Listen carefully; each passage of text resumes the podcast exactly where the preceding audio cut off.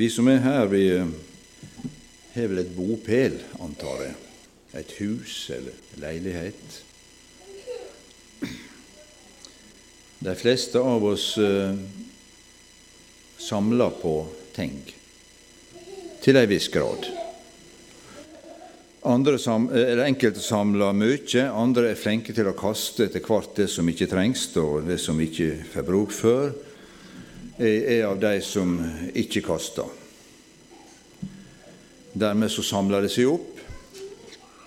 Tenk om vi får bruk for det en dag. En, en ende med to-fire, f.eks. Dyre greier. Vi legger det til side. Så samler vi på kristne blad. Det gjør vel ikke dere. Men det hoper seg opp. Så blir det mye. Der er ei som nikker, ja. Kjenner oss igjen noen. Kan ikke hive sånne gode blad vet du, med alle stykker som jeg skal lese en gang når jeg får god tid. Og så blir det ikke det. Og så ligger det jo der, da, vet du, og så går det kanskje noen år, og så uh, har du litt noe vi kaller kistefornøyelse. Er det et ord dere bruker? Det er når du begynner å blade og sortere i gamle, gamle ting. Eh, oi, er, er, er du her ennå? Ja, tenk at jeg fant det igjen. Og så finner vi ting som vi husker til og med fra barndommen. Jeg tror jeg har ei kasse ennå med, med, små biler som jeg hadde sjøl når jeg var lite. Og det syns jeg er en viss verdi, så jeg kan ikke drive og hive sånt. Dermed så blir det mye, og um, vi uh, fikk nå erfare det da vi for ca. 25 år siden flytta fra der vi hadde bygd vårt hus, og uh, kjøpte et småbruk uh, lenger ute i Herøy. Da fikk vi se hvor rike vi var på ting og tang. Og det var sikkert bare sunt å få flytte litt og få hive litt. Men fikk et, eh, vi fikk et småbruk med både lov og sjøbud, og da sier det seg sjøl at det var ikke bare positivt. For da hadde jeg plutselig god plass å samle. Og eh, ja Jeg skal ikke snakke om eh, alle mine gode, gode mindre gode ting. Men eh, mitt eh, spørsmål er i dag ifra andre kongebok. Si meg, hva har du i huset? Og så kunne jeg begynt å ramse opp, og jeg hadde trengt ei eh, stor skriveblokk hvis jeg skulle skrive opp alt jeg har i huset. Jeg leser noen vers, kjente vers, men de, jeg syns de er så talende. Fra andre kongebok, fjerde kapittel. En kvinne Det er fra vers 1. Andre kongebok, fjerde kapittel fra vers 1. En kvinne, hustru til en av profetenes disipler, ropte til Elias, Lisa, Elisa og sa:" Din tjener, min mann, er død. Du vet at din tjener fryktet Herren. Nå kommer en som han sto i gjeld til og vil ta begge sønnene mine til treller.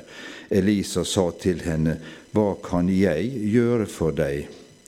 Si meg, hva har du i huset? Hun svarte, Din tjenestekvinne har ikke annet i huset enn en krukke med salveolje. Da sa han, Gå til alle dine naboer og be om å få låne hjem noen tomme kar, bare ikke for få. Gå så inn og lukk døren etter deg og sønnene dine, og hell olje i alle karene. Etter hvert som de blir fulle, skal du sette dem bort. Og hun gikk fra ham og lukket døren etter seg og sine sønner. De bar fram karene til henne, og hun helte i. Da karene var fulle, sa hun til sin sønn, Bær fram enda et kar til meg. Men han, sa, han svarte, Det er ikke flere kar. Og da stanset oljen. Så kom hun og fortalte det til Guds mann, og han sa, Gå og selg oljen og betal din gjeld, så kan du og dine sønner leve av det som blir til overs. Jeg og du oppsøker møter, sånn som her i dag. Vi reiser på stevne, og vi, vi oppsøker Guds forsamling. Og, og, det gjør vi fordi vi, vi ønsker å få noe. Og uh, Du hører av og til uttalt at uh, 'jeg vil bli fylt av Den hellige ånd'. 'Jeg vil få kraft'. 'Jeg vil gjerne bli sterkere'. 'Jeg vil bli fylt av, av Jesus'. Og da, er jo mitt uh, umiddelbare spørsmål til meg sjøl Har jeg plass til noe? Her var ei enorm nød, dette som vi, vi las om her. Hun har blitt enke, denne dama. Eh, mannen eh, hadde kanskje båret seg uviselig åt, jeg veit ikke. Iallfall så var det stor gjeld som hun satt igjen med. Og det ble så ekstremt at det holdt på å skje at hun skulle miste sønnene sine som, til, til slaver, nærmest, for at de skulle måtte jobbe inn gjelda. Og hun har så godt som ingenting i huset, bare litt salveolje. Og da forstår vi at nøda var store. Og hun fikk beskjed om å få tak i eh, tomme kar, bare ikke for få. Ikke, ikke, ikke vær, ikke vær smålåten, ikke vær beskjeden. Eh, få tak i alt du bare kan. Til større blei rikdommen. Skal ikke dvele så mye med denne fortellinga som sådan, men ha den som utgangspunkt egentlig i den setninga 'Hva har du i huset?' Og hun hadde jo bekjent jo da at 'Jeg har ikke anna enn' Og det er, jo, det, er ofte, det er jo, ofte, argument fra den enkelte av oss hvis vi blir spore om noe som synes å være litt stort, være litt for mektig for oss. Eh, kan ikke du spørre noen annen? Jeg, jeg kan ikke så mye med dette. Kan du bidra med noe? Eh, jeg har ikke så mye å by på. Det er så mange andre som har mer, som er flinkere, som har huset fullt med ting de kan tjene med. Altså, vi snakker om det huset som Bibelen om oss frelse, frelste kaller Guds tempel. Vet du ikke at du er Guds tempel, og at Guds ånd bor i deg? Det er på en måte vår eh, status eh, åndelig bygningsmessig. Jeg skal innom uh, noen to-tre beretninger eller fortellinger, og vi skal ta med Lukas 18. Uh, der står det om en person som kom til Jesus.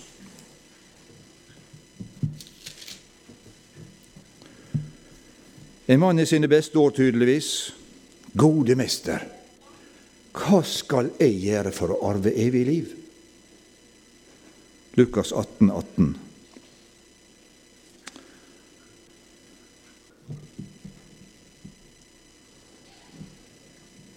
Ja, Jesus han svarer nå egentlig på spørsmålet hva skal jeg gjøre? Og da måtte jo Jesus gå til lova. Du skal gjøre sånn og sånn og sånn og sånn. Du skal elske de neste, du skal ikke gjøre det ene og du skal ikke gjøre det andre. Vi kunne låse alt dette, men lova Du skal, og du skal ikke. Ja, Men alt dette her har jeg helt fra min ungdom av. Skjønner du, Jesus? Jeg, jeg er en av de som har fått det til. Jeg, jeg er velutdanna, og jeg, jeg har holdt lova ingen som kan si noe på dette her. Og jeg har også lykkes i mine, i mine forretningsavtaler og, og, min business. Jeg er rik. Jeg har masse eiendom og penger. Så alt er i grunnen på stell. Men, men, men, hva sier du? Hva skal jeg, han følte det var noe som mangla oppi det hele. Hva skal jeg gjøre for å arve evig liv? Og når han da, Jesus hører at Han var jo egentlig feilfri. Han hadde lykkes i sin bestreben etter å oppnå salighet, tydeligvis, i sine egne øyne sett. Men han ville vel ha en bekreftelse og få vite for dette her prikken over i-en, liksom.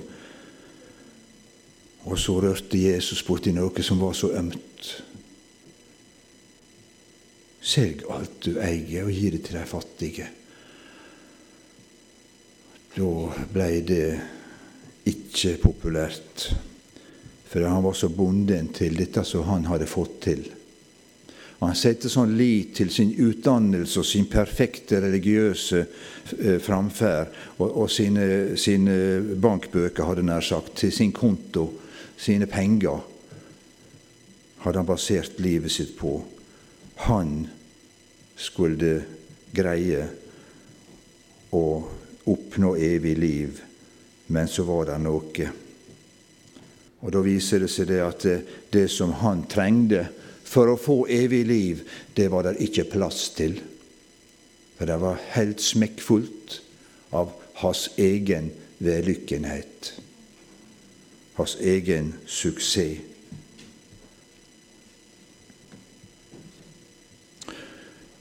Vi finner en annen beretning i Matteus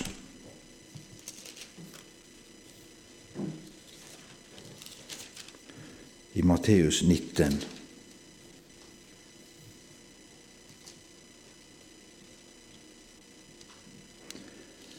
Nei, nå lyver jeg meg, og det skal ikke jeg gjøre. Det var i, det var i Lukas.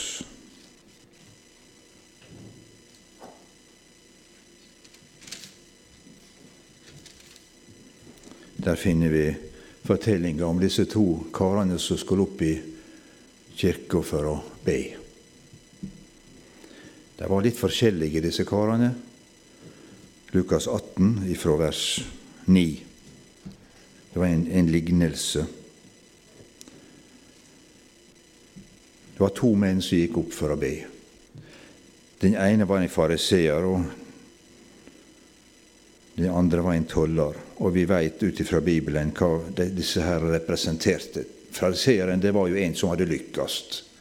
Han kunne, kunne lova, og eh, bestrebe seg på å la de andre forstå at jeg har fått det til. Og han andre var en som uh, gjorde tjeneste for fienden og, og tok inn toll, og tok gjerne litt ekstra, eh, sånn at de var helt tydelig ikke særlig likt. Tollere og syndere det var liksom samme kategori. Men begge to hadde et behov for å opp i gudshuset. Og der sto fariseeren og og la framfor Gud hele skrytelista si. Takk, Gud, for at jeg ikke er sånn som alle andre mennesker. Jeg gir den skatt jeg skal, og ikke banner jeg, og ikke er til besvær for noe. Og alt det gode som man kunne si om seg sjøl, det, det, det, kom fram. Og jeg er ikke sånn som andre røvere og urettferdige horkarler, eller som han der nede, da han tollere der. Så han heva seg over alt, for her var en som også hadde lykkast, og tenkte at han skulle få ære for Gud. Så stilna han kanskje etter hvert, da, mens han er med døra, hvis vi kan bruke det bildet, for han han framheva ikke seg sjøl i det hele tatt, men han, han stilte seg så lavt som mulig. Men han var kommet inn for døren i Guds hus og tenkte at han, han har vel kanskje sjanse å få litt kontakt. Og så sier han disse få orda Gud, vær meg synderen nådig. Han var seg bevisst at han strakk ikke til. Han var seg bevisst at han var ikke uten feil. Og han var seg bevisst at han var avhengig av Guds nåde. Der var plass til noe. Det var ikke fullt opp i hans hus. Det var ikke ei bule av verste sort, dette her. Det var ikke en verslig klubb, men det var ei evangelisk menighet. Jeg vet, sa Gud, og du tror at du har alt i orden. Er bare durer fram etter gammel tradisjon, kanskje. De hadde sikkert sine program i orden. Livet gikk sin gang. For lenger nede står nemlig Se, jeg står for døren og banker. Og det var en som sa at dette her er et av de tristeste vers i Bibelen. Iallfall første delen. Se, jeg står, du kan gjerne si, utafor døren og banker. på døra til ei kristen menighet. Og innafor hva som skjedde der? Jo, de hadde møte. Livet gikk sin gang. Man hadde sikkert sang og musikk. Kanskje man hadde både innledning og tale. Men han som de talte om, han sto utafor og banka på døra. Ja, det er et trist vers. Og ikke bare det at det er et trist vers, men det er en, en tilstand som jeg dessverre tror finst bortover. Og Gud gi at vi kan lese dette verset med åpne øyne og se til at ikke det bare alle andre det gjelder, men meg, min menighet, mitt liv. Går jeg rundt og profilerer meg som en kristen og på en måte innbiller andre at jeg er rik, jeg har alt vel, alt er på stell, ikke vær bekymra for meg. Men han som jeg bekjenner, han er ikke der likevel. Fordi det er så fullt i mitt hus av ting som ikke er sannhet. For egen rettferdighet og for egenprodusert Guds liv. Jeg er rik, jeg har overflod, jeg har ingen nød.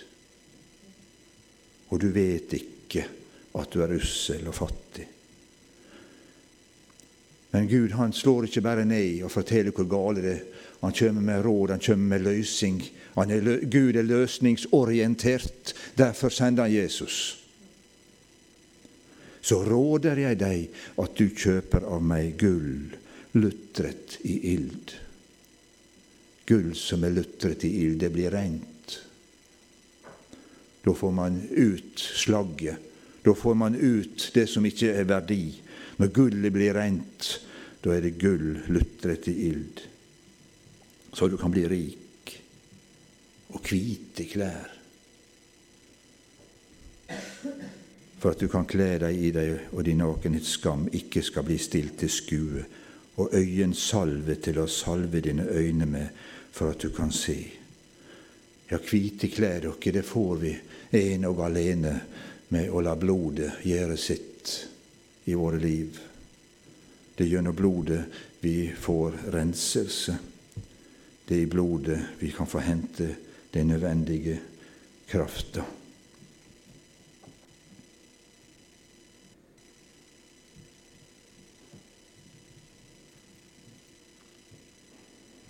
om noen hører min røst og åpner døren. Ja, mon tru om der er noen som hører. Vil jeg lytte etter Ånden som kaller og som banker på? Eller skrur vi lyden enda mer opp, så ikke vi skal høre denne bankinga? Hun er ikke brutal, hun er ikke pågående vil, vil ikke alltid være der. Dette verset blir jo ofte brukt i forbindelse med ufrelste i, i vekkelsesmøtet. Se, jeg står for dørene banker, og for all del da også. Men det er verdt å merke seg hva situasjon dette var skrevet om. Og Herren, han veit om alt. Nå har vi nevnt flere forhold der Husa var mer eller mindre fulle av ting som ikke rakk opp i sammenhengen. Men hva med mitt hus, da? Hva med mitt tempel?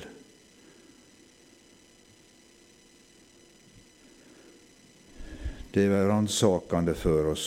Det bør være det iallfall. Og kanskje et ubehagelig spørsmål. Du må ikke komme og si noe om meg, da. Jeg har mitt på stellet, jeg har mitt på det rene. Og eh, det, det, kan være.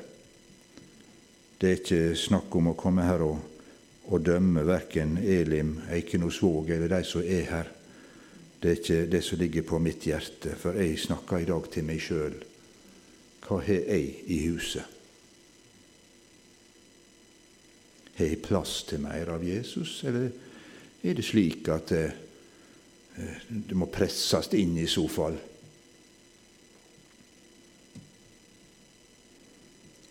Hva slags plass har Jesus i min tilværelse? Du hører mange si at eh, jeg har kveldsbønna mi. Og så får du også gjøre kan du, kan du ta det med i kveldsbønna di når det er et behov. Og det er jo en, en fin tanke. Men jeg tror ikke det Jesus vil at det skal være slik at eh, vi snubler og tar oss noen halvtrøtte ord før vi skal legge oss og sove. Men eh, Bibelen oppfordrer oss til å be uavlatelig. Ja, men jeg kan ikke ligge på kne hele dagen.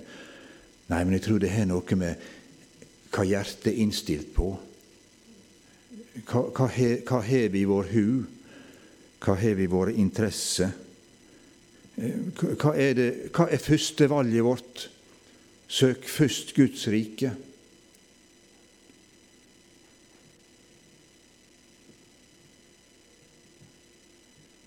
Skal være litt, litt, personlig en gang til, for å si det sånn. Jeg greier ikke å huske hvor lenge det er siden, men kanskje to-tre år. Så våkna jeg i tre-fire-tida en gang, fire-tida, og kjente ei, ei smerte i, i, brøstet. Jeg tenkte hva nå? Dette bare ble stigende til det verre. Og jeg prøvde å ikke vekke kona mi, men det var så grusomme smerter etter hvert at jeg, jeg, jeg, jeg ramla ned på gulvet. Jeg greide ikke å ligge i senga. Jeg tenkte at nå, nå er det antagelig slutt.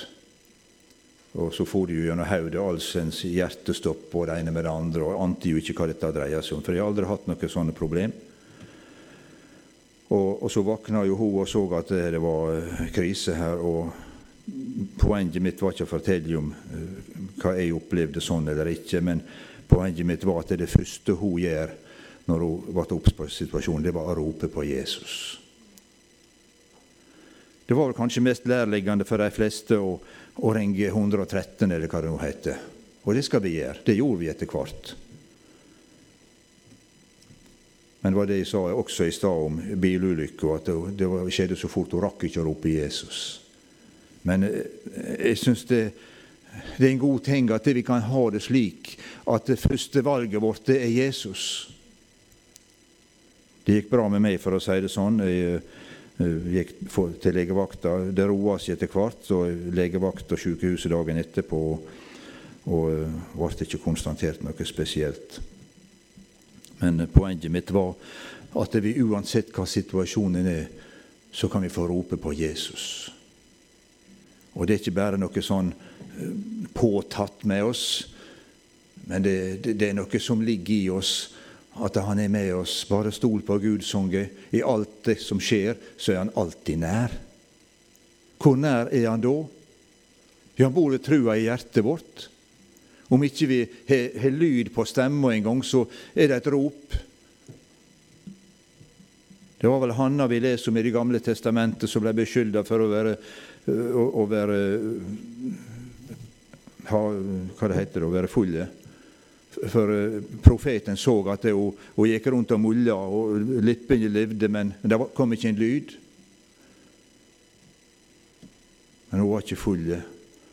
Han hadde en nød i sitt hjerte, så hun ropte ut til Gud, og han hører uten en lyd. Så skal vi også få lov å ha det slik at eh, når vårt hjerte er innstilt for himmelen, så er det første valget vårt når det står om søk først Guds rike. Det vil ikke være noe bakdel.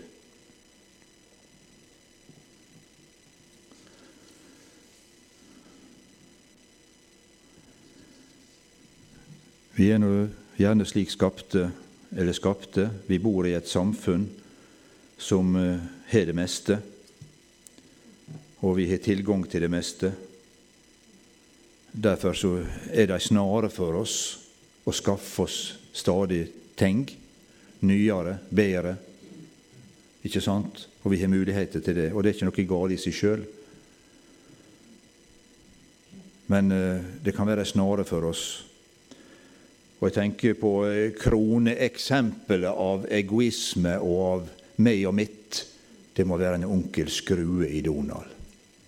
Jeg er sikker på de fleste her er løse onkel Skrue. Og vi veit han bygger ene pengebingen større enn den andre. Og han er så egoistisk så det går an. Så stakkars Ole Dole Doffen, så låner de ei krone, så skal det tilbakebetales med rente. Om det er det siste de gjør, så skal det tilbakebetales. Og han tenker kun på å tjene mer, få, få mer, og gjerne uh, være litt tøff i sine forretningsaffærer. Så han, uh, han, er på en måte for meg et, et, eksempel på hvor egoistisk det går an å være. Men så Han har alt, men det var også alt han hadde. Og det kan vi kanskje si om enkelte mennesker. Jeg har så lyst til å minne dere om ei kvinne som kom ut til brunnen en dag og møtte Jesus. Hun hadde ei tom krukke med seg, for hun skulle hente vann. Brunnen lå utafor Sykar. Kom i samtale med Jesus. Jesus hadde planlagt dette der, det tror jeg på. For han hadde sendt disiplene inn til byen. Tolv mann inn, inn på Rema for å handle skulle hente mat. Hun var tøste, ikke bare på vann, men på levende vann. Og hun hadde plass. Gjett om hun hadde.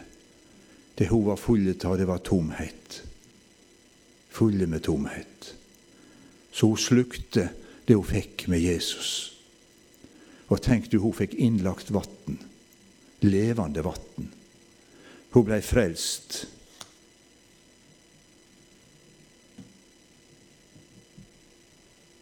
Og fikk fylt opp si indre krukke med levende vann. Så blei et brennende vitne på korte tid. Hun sprang inn til byen og vitna om han som hun har truffet. Kan det være Messias? Han har fortalt meg alt.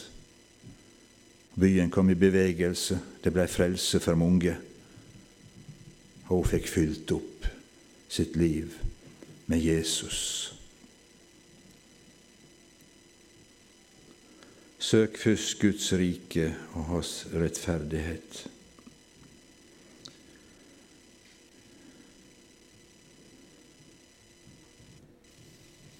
Og Jesus sier jo også i disse saligprisningene i Matteus 5, at det salig er de som hungrer og tørster etter rettferdighet, for de skal mettast. Vi er alle i selskap av og til, og der det er rikelig med mat. Vi blir mette, vi blir kanskje litt mer enn mette. Sånn at det må ta det stykket til. Nei, jeg greier ikke mer. Jeg er så stappmette. Det går ikke mer. For da spiser ikke vi mer når vi er helt stappmette. Men her er det snakk om salig er de som hungrer. For da kan du få spise av det som Jesus byr deg. Da er det en åndelige svolt og tøst. Men hvis du ikke har åndelig svolt og tøst, hvis du ikke har matlyst, så blir det heller ikke spist noe.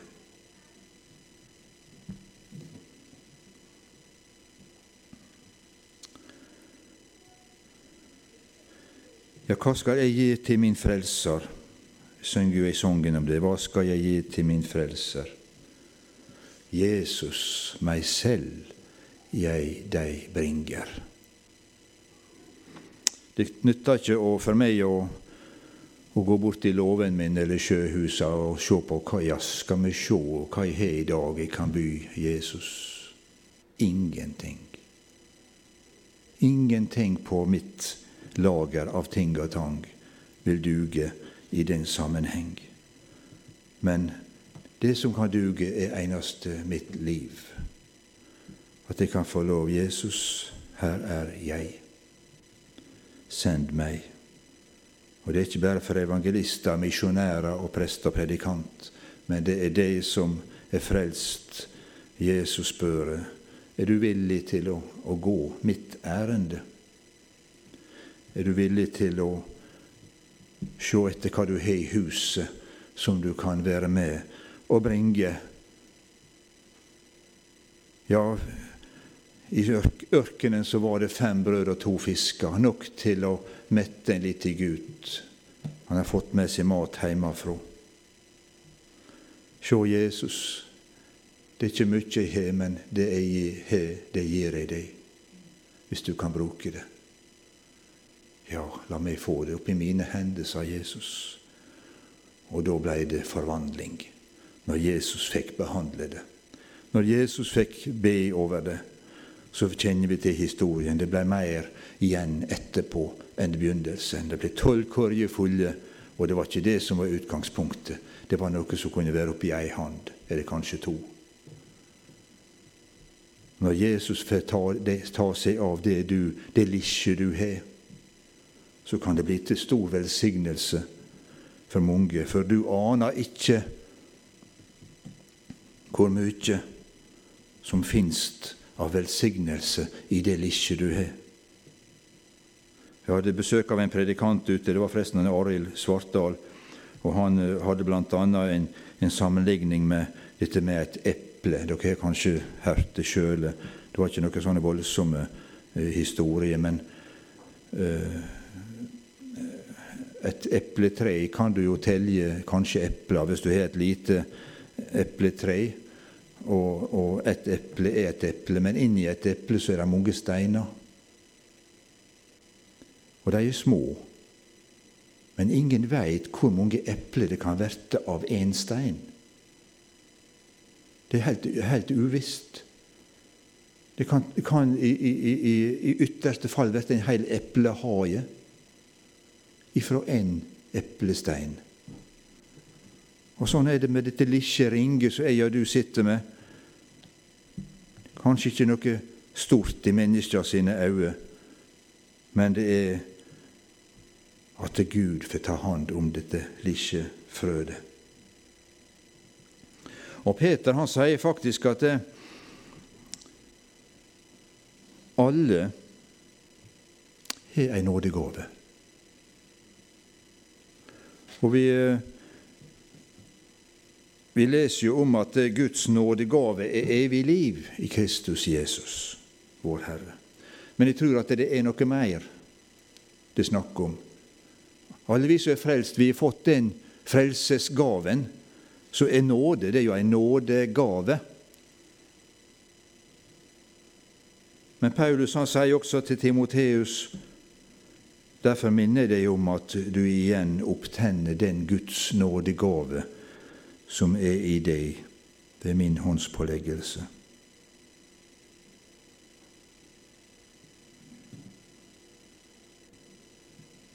Paulus sier også sjøl i, i 1. Korinterne 7,7.: Men hver har sin egen nådegave fra Gud.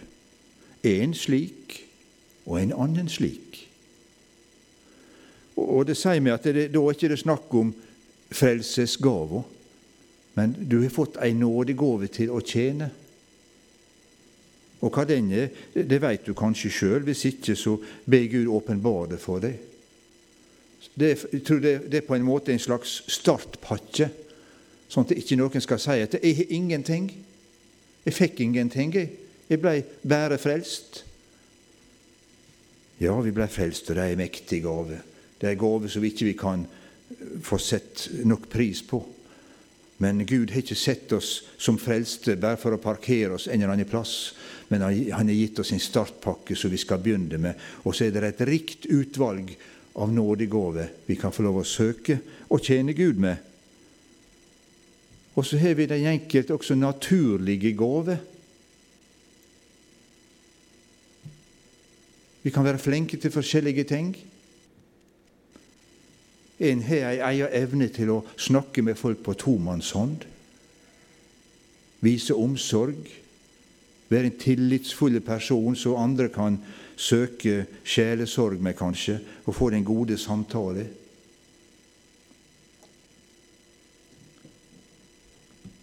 Andre synger, ja visst.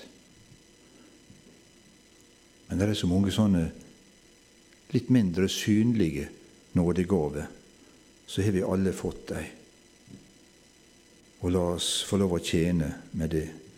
Og Timoteus det var jo en relativt ung kar, men Paulus sier noe til henne om at det vekk opp igjen. Det kan tyde på at det, det har sløvna litt hen. At det har kanskje blitt litt parkert, den nådegave som Timoteus hadde. Som Paulus minner om det, at det, du må komme i gang igjen, Timotius. Husk på den gåva som du har. Og Kanskje jeg og du kan trenge å bli minte på det også, sånn at vi kan få lov å tjene Herren med det som Han har gitt oss. Ikke la oss kjenne på at vi, vi har nok med det vi har. Det kan være på det materielle, men på det åndelige må vi rydde plass. Om så det kan svi litt å rydde ting ut av livet vårt, men at det må være sånn at vi, vi rydder plass til Den hellige ånd og til Jesus. Han vil ikke ha bare ei lita krå inni gangen, men han vil ha hele huset, for han veit at det er best for oss.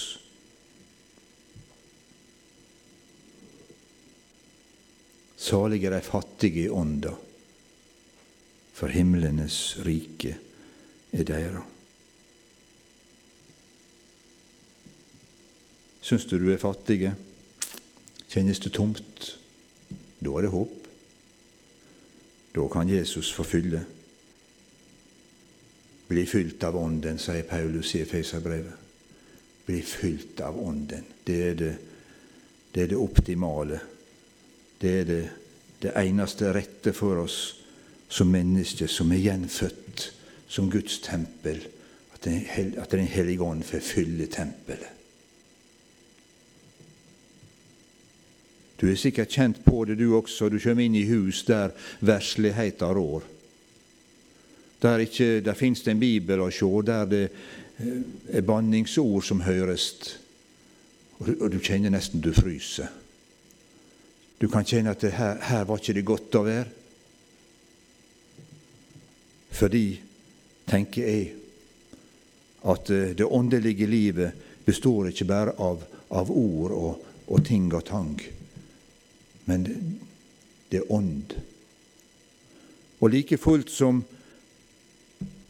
vi har engler og vi har gode åndsmakter rundt oss, så er de der, de vonde også. For da Satan ble hivd ut av himmelen, som tok han med seg en tredjedel av englene. Og Jeg tror at det er noe av dem vi, vi fornemmer når vi kjenner uhygge. Og det blir formidla både gjennom fjernsyn og gjennom Facebook og mange andre ting. Uhygge.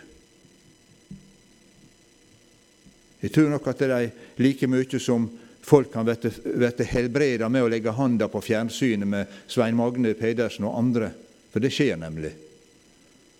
Så kan også de vonde åndsmaktene formidles gjennom det samme fjernsynet.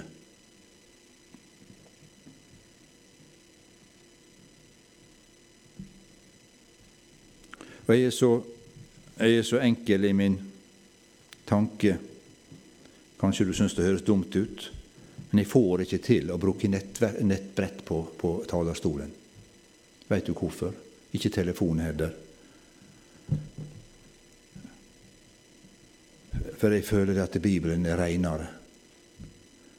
Telefonen er fylt opp av alt dritt og lort i lag med Guds ord. Du syns sikkert jeg er rar nå, men jeg måtte bare si det. Og jeg dømmer ingen som gjør det. For all del er det masse talere som bruker nettbrett. Men jeg så jo hva det førte til i en sammenheng. Der datt ut hele nettet, og vedkommende mistet talen sin. Det er jo det som kan skje, da. Men mange bruker nettbrett og telefon, men for meg så er det slik jeg må ha Bibelen.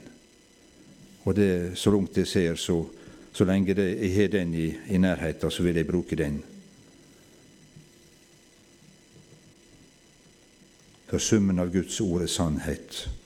Og jeg bruker gjerne, kanskje alltid, å minne om dette, viktigheten av at vi må lese Guds ord som det står, og vi må holde oss til Guds ord som det er, og ikke runde av verken for den ene eller den andre, men at vi kan lese Guds ord, for summen av det er sannhet, og Han har gitt sine befalinger for at vi skal holde det nøye. Det er nøye med Guds ord. Hva har du i huset? Du skal slippe å ha opptelling, men tenk etter om du syns du har lite. Så er Jesus mektig til å bruke det, uansett hvor lite. Kanskje både du syns det er, og andre syns. Du føler at det er ingen syns du har noe å bidra med. Jesus syns om det. Jesus syns om deg. Han er for deg. Han vil bruke deg der du er.